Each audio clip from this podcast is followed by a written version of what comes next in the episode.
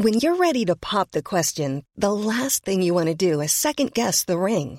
At Bluenile.com, you can design a one of a kind ring with the ease and convenience of shopping online. Choose your diamond and setting. When you find the one, you'll get it delivered right to your door. Go to Bluenile.com and use promo code LISTEN to get $50 off your purchase of $500 or more. That's code LISTEN at Bluenile.com for $50 off your purchase. Bluenile.com code LISTEN. Planning for your next trip? Elevate your travel style with Quince. Quince has all the jet setting essentials you'll want for your next getaway, like European linen, premium luggage options, buttery soft Italian leather bags, and so much more. And it's all priced at 50 to 80% less than similar brands. Plus, Quince only works with factories that use safe and ethical manufacturing practices. Pack your bags with high-quality essentials you'll be wearing for vacations to come with Quince. Go to quince.com slash trip for free shipping and 365-day returns.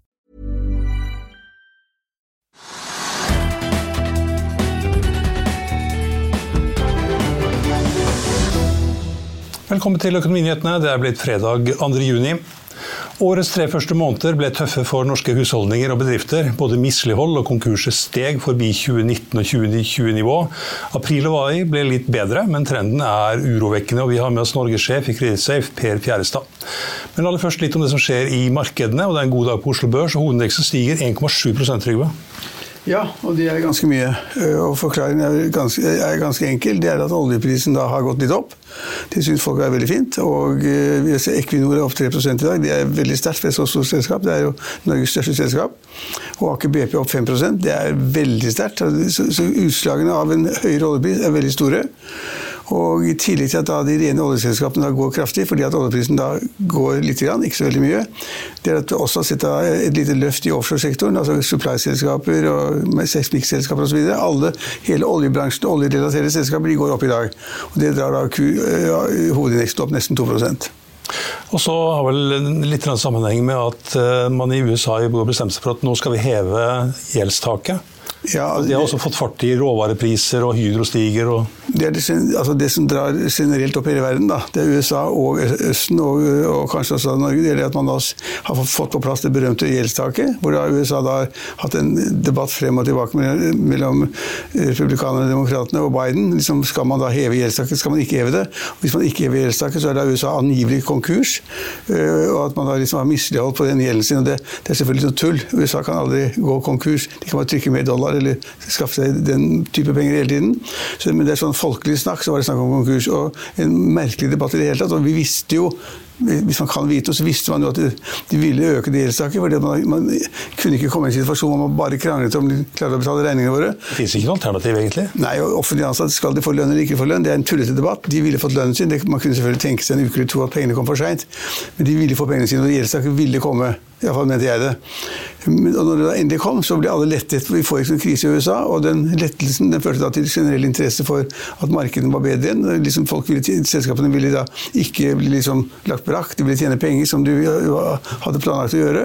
Og summen av alle de positive tingene, eller push-elementene da, i USA og i Asia og i Europa for øvrig, gjør at vi har fått en løfting av hele markedet. Om, om Men, det varer eller noe annet. Mm. Er det det som løfter Norset lengt Tikk også, flyselskapet? Det vet jeg ikke noe om. Det kan, det, også, og, 15 opp nå? Ja, nå, Det er et bitte lite selskap. ikke sant? Og De tapte 800 millioner i første kvartal. Det er veldig mye penger for et filleselskap, men i størrelse et bitte, bitte lite selskap. Og Om de får det til, det vet vi jo ikke, men, men når de taper 800 millioner kroner på et kvartal og så går, da faller, falt jo aksjekursen også ganske kraftig. og Så får man et løft tilbake, en rekyl tilbake. Det er kanskje ikke så unaturlig. Men hvis man spekulerer i at Norse blir et veldig stort og lønnsomt selskap som, som skal konkurrere med Norwegian og SAS og andre europeiske selskaper, det tviler jeg på. Så det er en litt, litt unaturlig økning i aksjekursen i dag. Men nå better man kanskje på kortsiktig i hvert fall at eh, flyene kommer til å gå fulle med amerikanere i sommer?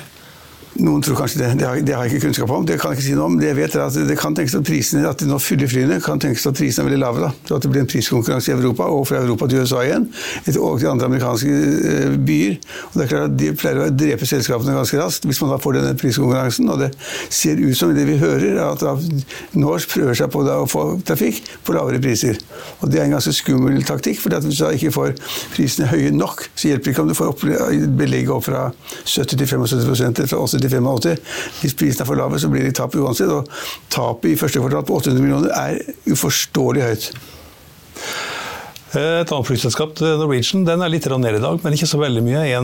1,2-1,3% Ja, og altså, Norwegian ligger rundt 12 kroner eller sånt. og Det har vært også meglere og analytikere som har sagt at den kursen skal opp i 16-17 kroner, eller 18-19-20 kroner.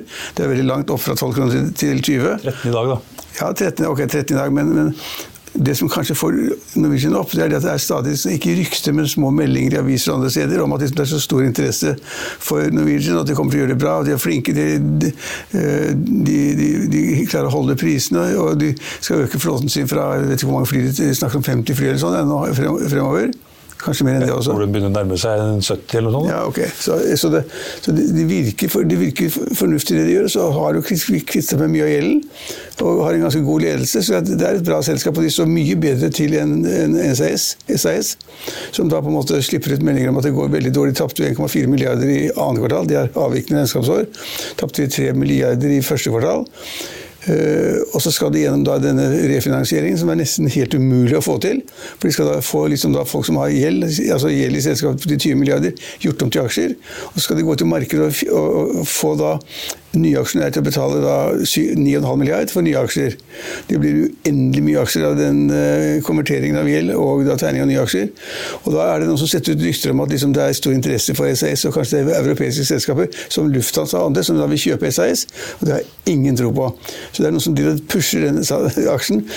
Men mitt budskap er, og det har vært i lang tid, og vi har snakket om det ganske mange ganger, det er det at de nåværende aksjonærene i SAS, de aksjene som er ute i markedet, de er verdt null. Så de kan bare, de kan bare avskrive med en gang. Så de som da nå spekulerer i kursbevegelse i SAS-aksjen, de, de, lever et litt farlig liv, da. For hvis mitt, mine regnestykker går, går, går, inn, så er de aksjene verdt null når, når konverteringen er ferdig. Det, for da vil det bli milliarder av nye aksjer, som da, da vasker man ut de gamle aksjene. Og I beste fall så får de kanskje da 1% av selskapet eller 2% av selskapet. Så de som spekulerer i SAS, det er veldig ille. De som spekulerer i Norwegian, de gjør det litt bedre. Kanskje kan de få det til. Og de som spekulerer i Norse, det tredje flyselskapet, de tar også store sjanser. Apropos store sjanser. Movi er ikke villig til å ta seg veldig store sjanser på investeringer fremover nå. Det kom en nyhet like før vi gikk i studio. Ja, altså Den siste meldingen der er jo det at de, de har sagt det hele tiden for øvrig, da, har sagt at hvis man får denne grunn grunnrentebeskatningen av lakseindustrien, så, så, vil de da på en måte ta ned investeringene sine i Norge, for de mener at det er for, for stor risiko. Og De sier nå at de skal ta ned, ta ned investeringene med 5 milliarder kroner. Det er forskjellige typer opp, altså En del av prosessen med, med liksom settefisk og hva det måtte være. Hvor de hadde tenkt seg en rekke nye anlegg langs kysten. Og de sier at vi har syv anlegg i andre land syv land med anlegg. Hvis da Norge på en måte endrer beskatningen så raskt og så mye, så vil vi da helt ha pengene til utenlands. Så de sier at de fem milliardene vi hadde planlagt å investere, de flytter vi til andre land. Det er et ganske tøft budskap til regjeringen og, og, og de som var for grunnrentebeskatning. Men jeg tror de mener det. De er så sinna. For det, det de sier, som er helt riktig, når Movi sier at vi betaler nå liksom mye mer skatt enn vi gjorde før, det hjelper ikke det at regjeringen først planla en grunnrenteskatt på 40 som de tok ned til 25 De gikk veldig høyt ut. og så er den i prosessen på Stortinget, så er denne ekstraskatten kommet ned til 25% pluss de 22 fra før. da. Ja, det er summen. Det er summen. Eh, og, og, og, og, så sier de at det blir så mye at det, det finner vi oss ikke i. Vi gidder ikke lenger. Det, det, vi er et fritt selskap, vi gjør hva vi vil, og vi tar nå ned investeringene i Norge. Og det kommer selvfølgelig da de ansatte i de selskapene til å bli jævlig sure, sure for.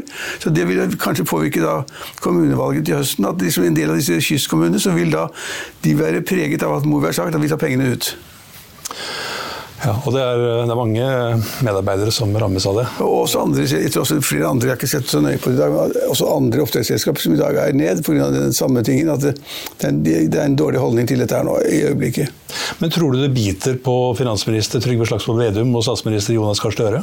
Nei, ikke i det hele tatt. På Stortinget har de, nei, på Stortinget har de bestemt seg for at den grunnrentebeskatningen man har stemt for, i prinsippet, og det tallet man har kommet frem til, de 25% det holder de seg til.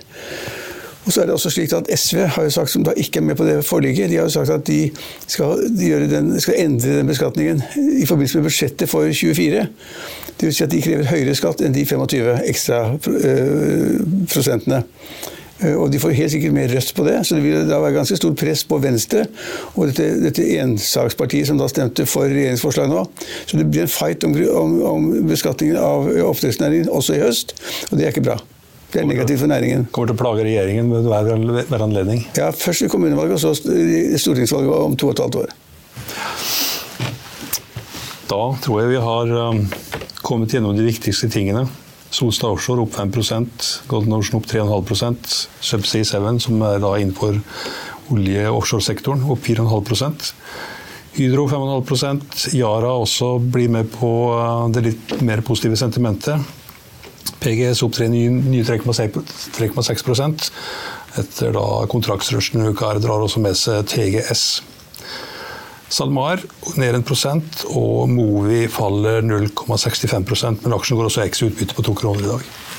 Vi bør kanskje nevne det at uh, kronekursen har styrket seg litt, litt, litt, mot uh, dollaren og litt mot euroen. Så nå er det under 11 kroner på, på, på, på dollaren og under 12 kroner på euroen. Så er det en kjempedebatt da, i sånne fagmiljøer og blant, samfunnsøkonomer. Og spitalen, investorspitalen. da liksom, hvorfor har da kronekursen uh, falt så mye? og det er, Man kan si masse om det, rentedifferanser og alminnelig oppgitthet over regjeringen, at uh, de rike flytter osv. Ingen som har det klare svaret. Eh, men det som jeg tror er rimelig sikkert, er at Norges Bank kommer til å heve, renten. Prisveksten er fremdeles altfor stor, så de kommer til å heve renten fremover. og Det kan da bety at kanskje kronen styrker seg litt. Hvis de andre land senker, og Norges Bank øker renten, så kan det bety at rentedifferansen er i favør av en sterke, styrket krone. Men ingen har svaret, og ingen vet det. Men akkurat i dag så ser det ut som da liksom folk tenker at ok, eh, eh, fallet mot dollar har vært for sterkt, det blir bedre nå. Fallet mot euroen vært for sterkt, det blir litt bedre nå. Og det er litt bedre i dag. Og vi som er igjen i Norge, vi blir fattigere i forhold til landet rundt oss. Ja, hvis du skal handle, mindre, vi mindre kjøpekraft i hvert fall. Hvis du skal handle i utlandet, så får du mindre kjøpekraft. Ja. Men vår oljefondet, den store sparegrisen vår, den har jo da passert 15 000 milliarder kroner. Ja, begynner å nærme seg. Den har vært oppe og snust på 15 400 milliarder. Ja, det er, Ikke sånn rundt 15 200-15 300 i dag. Det er veldig mye penger. og da, Av den potten så kan vi da bruke hvert år rundt 300-400 milliarder kroner. Og det er jo ingenting mot pottens størrelse. Mot vår lille kasse. Etter en kort pause er vi tilbake igjen med Per Fjærestad i Kredittsafe. Og vi skal se litt på hvordan det ser ut på, i norsk næringsliv, og også på hjemmesektoren. Eh, det skal dreie seg om konkursstatistikk og kredittsjekking. Vil du bli oppdatert på det viktigste som har skjedd innen finans og næringsliv? Da er det bare å følge med, for hver morgen er jeg, Marius Lorentzen og aksjekommentator Karl Johan Malnes på plass i studio for å ta tempen på dagens marked i Børsmorgen. Og hver ettermiddag oppsummerer vi alt du trenger å vite i økonominyhetene, og det blir selvfølgelig masse interessante gjester. Klikk deg inn på fa.no-tv, eller søk opp Børsmorgen og Økonominyhetene der du hører på podkast.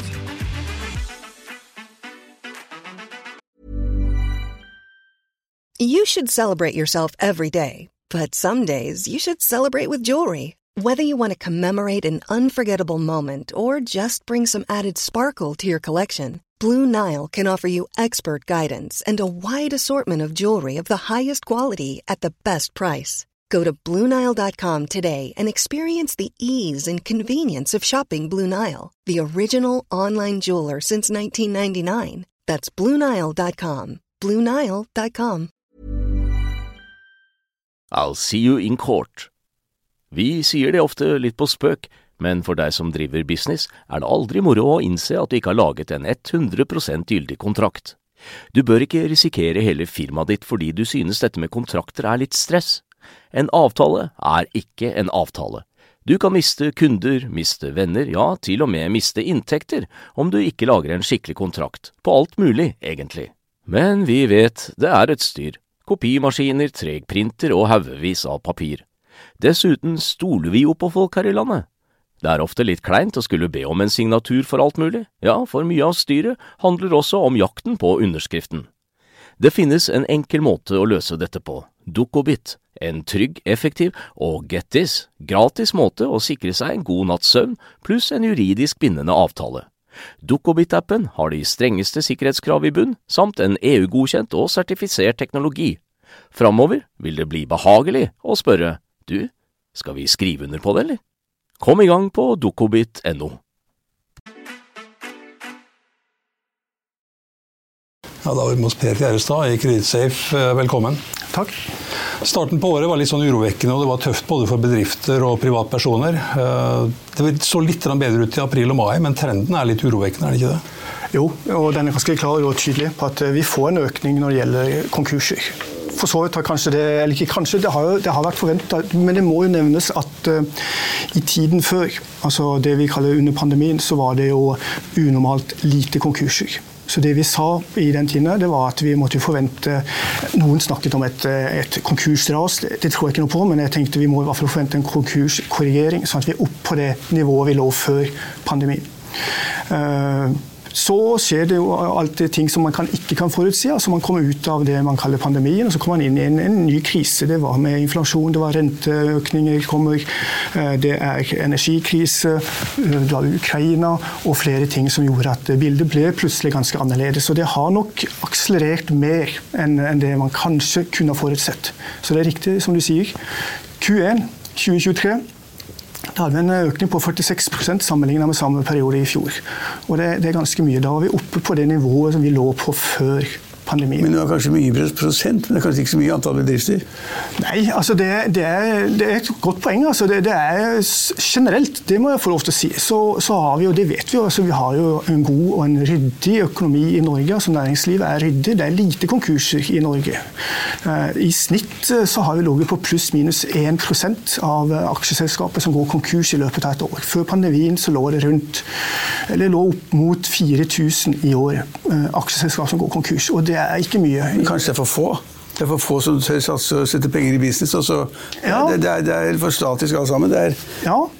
Det kan være altså det, det, er jo kanskje litt eh, farlig og ikke, ikke riktig å si, altså, men, men altså, konkurser er jo nødvendig. Altså, det er jo på en måte å rydde opp i, i foretak uh, som, som, ikke har ofte, som, som, ikke, som, ikke, bør være på, på markedet. Så, sånn at Det er nok kanskje et, et poeng du har, at, at, det er for få.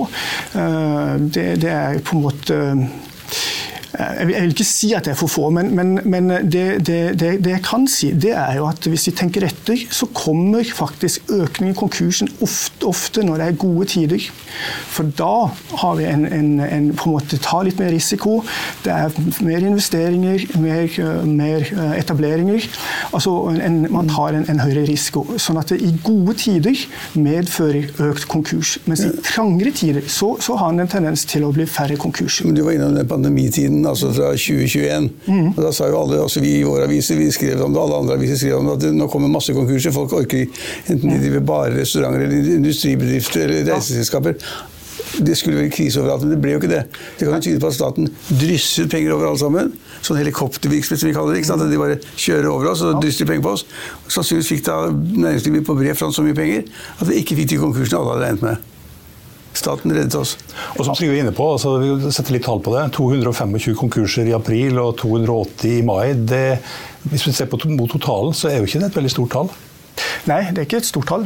Eh, men, men eh, på mars Er det 300 000-400 000 bedrifter som populasjoner, eller er det enda flere? Eh, det er av aksjeselskaper. Så det ligger rundt 1% som, som går konkurs nå. Det det, men, men, det er en økning. Det er det i hvert fall en ting som er klart. Både i, i, i april og, og mai. Som, som, så den trenden med den høye konkursøkningen som vi fikk sammenlignet med tidligere i Q1, den fortsetter, men ikke like høyt. Men hva Er det, er det bygg og anlegg, eller er det hvilke ja. bedrifter som går over? Ja, det, det, er litt interessant. fordi vi så jo rett etter, altså I oppstarten spesielt av Q1 så var det serveringsbransjen som fikk en voldsom økning, og detaljhandel. Og Det er de to bransjene som hadde færrest konkurser, som hadde størst nedgang under pandemien. Det var, som, som på en måte hadde et veldig lavt tall. Og da kom den korrigeringen. Så der økte det kraftig. Bygg og anlegg det har alltid vært på en måte det er der vi har det er størst, størst risiko i bygg og anlegg. Det er der vi har de fleste konkursene. 25% av alle konkurser kommer i den bransjen. Og den er relativt jevn i forhold til konjunkturer. Så den går litt ned, når den går ned, så går den litt opp, den går opp. Men det vi ser nå, det er at den bransjen den øker. Den økte også i Q1, men uh, nå i, uh, i april og mai så øker den mer enn de andre bransjene. Og eh, vi, har, vi, skiller litt på det som vi kaller for spesialisering innen bygg og anlegg, og det som heter oppføring av bygninger. De har vært relativt like. Det vi ser nå, det er at økning kommer det som heter oppføring av bygninger. Og det stemmer nok kanskje greit med det vi leser og ser om i, i den bransjen der også, at nå er det litt stillstand. Ikke litt, det er stillstand i etablering av boliger f.eks., som nå begynner å, å prege det markedet. Absolutt. For, å løfte inn på et annet spor også, eh, i og med at vi tror at det ikke er så veldig mange konkurser. Men det er en bransje som har 38 000 utøvere, som aldri har konkurser. Hvilken er det? Dagens quiz. Ja. 38 000 utøvere, ingen, konkurser. Ja, I den quizen drar ikke jeg med meg poeng, skjønner du nå. Landbruket. Ja. Landbruket, der er, er jo selvstendig næringsdrivende. Det er 38 000 ja. utøvere. Da, i det. Aldri noen konkurser her. Nei. Ja, det Nei, ja, ja, en eller to, da. Tre stykker i året eller sånn. Da. Det var ingen, ingen, ingen, ingen men, men, tre eller fire i året eller sånn, da. Mm. Et veldig godt poeng. Og da må jeg også nevne at i de, i de, statistikkene vi ser på, eller de tallene vi ser på, så har vi hele tiden forholdt oss til, til, til AS. da, Og vi tar ikke med oss enkeltpersonsforetak. Så der har jeg ikke noe tall, men jeg har på en måte en god følelse på at vi ser at det øker. Og det er nok ikke bøndene og landbruket som øker der, men det er nok, det er nok enkeltpersonsforetak relatert til bygg og anlegg. Mm. Ofte de som blir leid inn. Og, og der ser vi at det, det, er nok også en bransje eller, som sliter. Også da, det med den, den, type foretaksform som enkeltpersonsforetak. Du var inne på at serveringsbransjen, hadde det tungt i vinter, og det var kanskje ikke så rart. Men nå ser vel det mye lysere ut? Eh, ja, fordi at det har snudd. Det var en voldsom eh, økning av konkurser i oppstarten av Q1, men nå ser vi at det igjen er en, en, en nedgang i konkurser. sånn at der går det langt bedre nå i serveringsbransjen. Eh, om det var en type opprydning som skjedde akkurat når vi kom inn på nyåret, det vet jeg ikke. Men, men jeg tror det, Ja, det går bedre. Men det er en utsatt bransje. Det har alltid vært en utsatt bransje for konkurser. Og det er nok en bransje som også sliter. Jeg tror de bransjene som Norsk næringsliv vil alltid være avhengig eh, av, av, konsumenter, altså oss som forbrukere. Det er god, et godt måleparameter på hvordan det går, det er hvordan vi agerer som, som, konsumenter. Og Da er det spesielt noen bransjer som enda som er veldig eksponert for, for den for, for, for, oss som forbrukere. Og Det er bl.a. Uh, serveringsbransjen. Og uh, det, det, er jo uh, nesten et paradoks, for nå har vi prata veldig mye om alle sier at nå må vi stramme inn livreima. Vi, vi, vi, har fått høyere renter, vi har fått høyere energikostnader. Uh, den inflasjonen, matvarene har økt, og vi må være mer forsiktige. Men, men, vi har ikke blitt mer forsiktige. Altså, reiser har vi bestilt som aldri før, og vi har bestilt de dyreste reisene. Så det er jo det som er spørsmålet. Hvor mye mer av dette tåler vi før vi på en måte enten skjønner at vi må stramme inn livreima, eller, eller kommer dit at vi, vi, på en måte nærmest møter veggen. Og vi ser jo en tendens, etter hva de tallene leser fra eh, gjeldsregisteret også, at forbruksgjelden er på vei oppover igjen. Så, så der er det litt som hva skjer når vi plutselig skjønner at det, hei, vi har ikke de pengene som vi trodde vi hadde. Da kan det gå utover serveringsbransjen eksempelvis. Og eh, jeg vet vi tidligere også snakka litt om bilbransjen, som også nå ser en, en, en økning i, i, konkurser. Det er en relativt liten bransje, men det ser vi der også. Mm. Mm. Hotell og reiseliv også ser vel ganske bra ut uh, nå, hvis du, hvis du, ser et par år tilbake med pandemi osv. Nå er det vel ja. lav kronekurs og ja. Det, ja, absolutt. Så, og spesielt altså de, altså nå, nå, nå, får vi jo både Får vi svensker og dansker og tyskere og franskmenn og spanjoler vi får, vi hele Europa. Ja, ikke, meksikanere også. Ikke bare hele Europa, men vi får nei, men absolutt, det, det har jo de meldt reiselivsbransjen. Og, og, og, vi selv vil jo nå i, i langt større grad feriere vårt eget land enn å, å reise til, til, utlandet. Det er nok en del av de som var litt kjappe med å bestille en utenlandsreise, som kanskje ville tenkt seg om en annen gang hvis jeg har sett hvordan eh, valutakursene har endret seg også. Så. Kanskje du vil ligge i telt i Norge? Ligge telt i Norge? Ja, men jeg tror det, det, det tror jeg. Det tror, telt, og, telt og bobiler? Ja, men, men absolutt. Det tror jeg er riktig, ja. Ja. Jeg bare tenkte litt tilbake til det du sa med, med at, eh, at, norsk næringsliv på en måte blir drysset penger over. Det, er nok riktig at det hjalp eh, selvfølgelig I, i 2020, ja. ja i, under, under, pandemien. Men det er en annen ting som, som jeg tror kan ha påvirket eh, eller som påvirker konkurs, konkursutviklingen i en sånn periode. Da var det jo tross alt stillstand. altså For, å, for at man skal gå konkurs, så må det være en viss aktivitet i tillegg. Du må pådra deg forpliktelser som ikke du greier å håndtere. Altså et kanskje litt søkt eksempel. Men hvis du driver innen restaurant- og nærings, eller restaurantserveringsbransjen, og så må du stenge ned, så kjøper du ikke mer fat med øl. Du, du, du sier opp eller du permitterer kokken og dørvakten, eh, og du legger ned alt det du kan legge ned. Og så får du da penger for å opprettholde og, og kunne håndtere de faste kostnadene som fremdeles ligger der. I motsatt tilfelle er det gode tider, og du driver et utested som ikke går bra, så vil du ikke si opp og permittere kokken og slutte å kjøpe inn varer.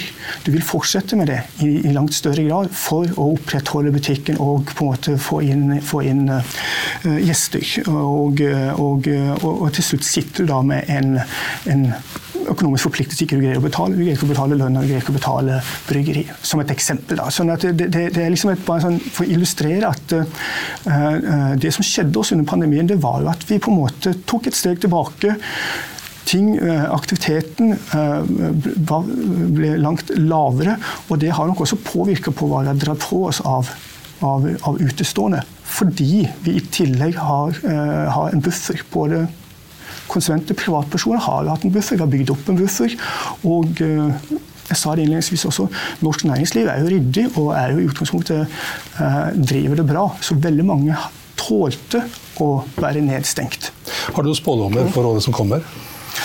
2023 inn i 2024? Ja, nå skal jeg ikke sitte her som dommedagsprofet, men men jeg er ganske, ganske, sikker på at når det gjelder konkurser, og det er jo det vi ser på, det er det vi som på en måte skal gi råd innenfor kreditt, er opptatt av å følge med på, den vil åpenbart fortsette å stige. Det, den, den tendensen vi ser nå, er såpass tydelig, og jeg ser ikke noe tegn sånn i hvert fall, i hvert fall ikke på kort sikt eller, eller lang sikt at, at, ting skal endre seg. Nettopp fordi at, fordi at vi som konsumenter må stramme inn livremma, og næringslivet er avhengig. og eh, de, de, har også et eh, langt større krav til inntjening de har hatt. De har høyere kostnader.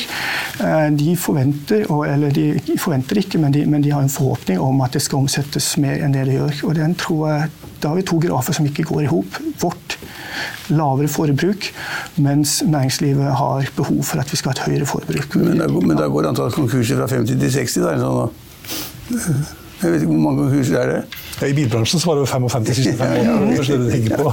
Nei, nei, ja, nei, nei på, altså, I var det vel 225, og i AMA ja. så var det 280. Mm. I aksjeselskapet så var det, det var, det var rett under 4000 totalt på et år, da, i 2020 og 2019, uh, under den pandemien. Jeg føler litt at vi er ferdig med pandemien, men vi må likevel forholde oss til det. Så, så var vi i underkant av 3000. Det lå, mellom, uh, det lå vel opp mot 2500 til, til nesten 3000 konkurser av, av, av alle operative. Alle, av alle, alle, alle AS-ene, og det er 200 Nei, det er, det er, vel i underkant av uh, 400. Ja, 400 selskaper? Ja, så, 400 000? Ja, 400 000. Nei, så det, tall, det tallet har vært relativt konstant, og det, det er så små tall at, eh, at vi sier pluss, eller jeg sier pluss-minus 1% av norske aksjeselskaper går konkurs i løpet av et år. Ja, og Så skal jo da boadvokaten også leve? Ja. vi, må tenke, vi, vi må tenke på alle. Det er mange, mange advokater som ikke har noe annet å gjøre enn å drive bo. Ja, det er en næring, det også. Ja. men det går altfor bra i Norge. ikke sant? Jo, så Tallet kom i dag, det var jo da antall ledige nå er 1,7% eller noe. 1,7 er jo ingenting. Altså, alle har jobb i Norge, det er derfor ikke alle kjøper noe. og Folk betaler 200 kroner for en øl. Hvor mye betaler man for en øl i en restaurant? For hvor? En øl. Ja, det... Er det 200 kroner? 150 Jeg har ikke kjøpt øl på det, kan du huske. Nei da, ja, jeg tror ikke jeg betaler 200 for en øl på en nei, nei, men, men ja. Mitt poeng er bare at liksom, fremdeles går det bra i Norge, alle har jobb. Ja. Og konkurstallet er lite i forhold til totalen. Så det er jo ikke mye å klage på. Det, det, en flaske vin koster 1000 kroner uansett. Nei da, nei da, de koster 500-700. ja. nei, men det, det, er et godt poeng. altså Jeg har vært rundt og prata litt, og folk ønsker å høre om dette. og Det, det, på en måte, og det mørke skyer i horisonten, og det er økning og konkurser. Men, eh, men, eh, jeg er helt enig. Så, jeg prøver alltid å avslutte med å si at tross alt så går jo altså vi, vi har det jo vi har det bra i Norge, og det, det, må, det må ikke glemme. Men, men, eh, men, jeg tror også at de som sliter, de sliter med nå. Og det ser vi også at vi har tydelig skille i, i næringslivet. Altså de som ikke har en de som har en litt mer uryddig økonomi, og det ser vi også på når det gjelder kredittopplysning. Vi ser de som på en måte har en lav score hos oss, de er enda mer utsatt nå. Altså de, de tåler ikke nedgangstider. Men det er bra, det. Så slipper de dårligste, og så kommer nye Ja, til. det, det, det, Skal noen tørre, skal noen tørre å satse, så må du bli kvitt noen eh, som ikke går bra. Ja, men det er i hvert fall en tydelig tendens, og det, det er på en måte noe som man også skal være klar over når man, eh, altså, når man gir kreditt. Altså, og, og på en måte ha, den, ha det i bakgrunnen, at man, man, man foretar en, en, en kontroll av foretaket man skal gi kreditt til. Og så ser man det at nå er det enda mer utsatt hvis du kommer bort til selskapet som, som, som er finansielt ikke så sterke som de burde ha vært. Da. Eh, Men, eh, men, eh, men igjen, ja, hvis du ser på tallene og tar den vinklingen din, så, så, har du jo, så må jeg gi det rett i det. Det går jo bra, og det er, det er ikke mye Nesten ikke konkurser i Norge. Nei, det, det, det, det, det er ikke det sånn sett. Det kommer litt an på om man sammenligner. Men Nå har jo ikke tallene i hodet på, på hva vi kan sammenligne med i andre land, da, men, men ja. Det er stadig enklere og billigere og raskere å gjøre en kredittsjekk. Hvor mange kredittsjekker gjøres hos dere i løpet av et år? over. Ja, det tør jeg faktisk ikke å svare på. Men, eh, fordi det er litt sånn ulikt på hvordan det telles i, i volum. Men eh, vi, vi, vi har eh, det, det, det liksom, Vi skiller på to typer kunder. Vi har de, på en måte, de litt ordinære, enklere kundene som bruker en, en type webløsning som, som, som ligger da mellom de gjør mellom 100 til 1000 kreditopplysninger per år. Og så har vi de store aktørene som kan ha et stort altså Det er integrerte tjenester hvor det går kall hele tiden. Hvor de på en måte kontrollerer både sin portefølje og utestående og også privatpersoner. Da har du veldig store volum på den type aktører. Det er ikke så mange av de i Norge. Men det viktigste, som jeg mener det vi sier også når vi på en måte skal gi råd og på en måte tilby tjenester til våre kunder, det er jo å ha en, først og fremst en god det vi kaller en overvåkningstjeneste. Legg porteføljen til overvåkning, så du får meldinger når endringer skjer. Så at ikke det her kommer som en overraskelse i ettertid. Og spesielt under litt, uh, uh, hvis det er litt mer usikre tider, så er det viktig noen ganger å legge dette til overvåkning. Nå, altså, teknologisk det er superenkelt, og eh, det er ikke like store kostnader med å ha en kredittopplysningstjeneste som det var for 10-15 år siden, for da var det relativt høye kostnader på, på det. Men, men, nå er det en, en, en, investering som omtrent er lønnsomt fra det du starter opp. Ja, Hvor mye koster en sånn kredittsjekk av en bedrift eller en privatperson? Du kan jo ikke kjøpe en mobiltelefon uten å bli kredittsjekka. Nei, det kan du ikke. Det, det er det. Og, da, det, det. og det er den type tjeneste jeg mener. Som, som, som, da på en måte en, en teleoperatør har veldig mange kredittsjekker. De har på en måte automatiserte løsninger med helt egne priser, som jeg liksom ikke kan komme inn på her. Da. Men, men en, en, liten hvis du er en, en, normalt eh, De fleste aksjeselskapene også i Norge er jo ikke store. Det er jo, det er jo herre og fru og så noen til som, som driver aksjeselskapene i, i Norge. Uh, som da kjøper en kredittopplysningstjeneste. De kjøper en, et, et abonnement på en tolv måneders, uh, så vil det ligge rundt 8000. For da har du dekket opp 80? 8, 80, ja. 8000. Og da har du en, en webløsning, og du har mulighet til å Men du kan jo gå inn på Proff eller andre steder og finne regnskapene på ett sekund. Ja, men, uh, men uh, det, det er helt riktig. Da kommer det en sånn Så- tullete grafer med likviditetsgrafer og lønnsomhetsgrafer og sånn. Så hvis du ønsker, og hvis det, hvis det er det behovet at man selv skal sitte og se på, på regnskap, noe som mange ikke verken hverken kan eller har evne til å gjøre, så, så er det en god løsning på proff. Men hvis du vil at du skal på en måte få en sammenstilling med, en, med på en, måte en, en, en analytisk utarbeida eh, predikasjon på risiko, så, så må du bruke et, eh, en, en, en så, så, Noen tusen. Ja, da må du bruke noen tusen. Og i tillegg så er det veldig viktig å få med seg negativ informasjon, altså betalingsanmerkninger. Eh, og det, det, det er sånn at det er vel i hovedsak tre aktører i Norge som, som på en måte er det jeg vil kalle et fullverdig kredittopplysningsbyrå. Det er Dun Bradstreet Experience, er det oss, da. Som har både opplysning på privatpersoner, egne utarbeida eh, risikomodeller og en komplett opplysning. Eh, Så er det litt hvordan du integrerer opplysningene. Det er jo klart En ting å gjøre et oppslag og på en måte gå gjennom det du får ut på egen hånd. og Det andre er jo på en måte å ha dette integrert og ha som jeg sier, en, overvåkningsløsning. Så det, det er jo en, en, en god forsikring og en billig forsikring å inngå en sånn avtale nå. eh, Hvor, hvor eh, Så kan man jo da mene hva man vil, om det er lite eller eh, mye konkurser, men, eh, men det indikerer i hvert fall en risiko. Og hvis konkurstallet øker, så er det en økt risiko også for den som skal gi kreditt. Tusen takk for at du kunne være med oss, Per. Det var hyggelig. I Finansavisen i morgen kan du lese Trygve Egnars leder om en senterpartipolitiker med et etisk problem.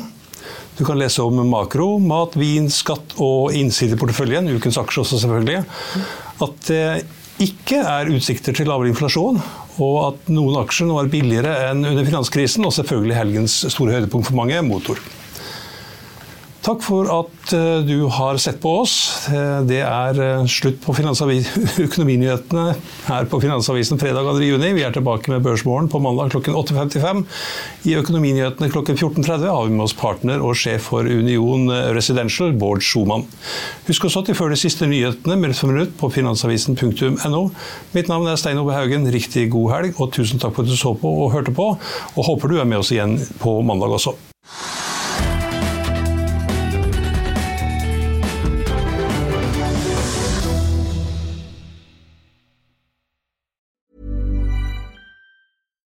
We're on a budget, we still deserve nice things. Quince is a place to scoop up stunning high-end goods for 50 to 80% less than similar brands. They have buttery soft cashmere sweaters starting at $50, luxurious Italian leather bags, and so much more. Plus, Quince only works with factories that use safe, ethical, and responsible manufacturing. Get the high-end goods you'll love without the high price tag with Quince. Go to quince.com/style for free shipping and 365-day returns. As humans, we're naturally driven by the search for better. But when it comes to hiring, the best way to search for a candidate isn't to search at all. Don't search, match with Indeed. When I was looking to hire someone, it was so slow and overwhelming. I wish I had used Indeed. If you need to hire, you need Indeed. Indeed is your matching and hiring platform with over 350 million global monthly visitors, according to Indeed data, and a matching engine that helps you find quality candidates fast. Ditch the busy work. Use Indeed for scheduling, screening, and messaging so you can connect with candidates faster. And Indeed doesn't just help you hire faster. 93% of employers agree Indeed delivers the highest quality matches compared to other job sites, according to a recent Indeed survey. And listeners of this show will get a $75 sponsored job credit to get your jobs more visibility at Indeed.com slash podcast. That's Indeed.com slash podcast. Terms and conditions apply. Økonominyhetene er en podkast fra Finansavisen. Programledere er Marius Lorentzen, Stein Ove Haugen og Benedikte Storm Bamvik. Produsenter er Lars Brenden Skram og Bashar Johar. Og ansvarlig redaktør er Trygve Hegnar.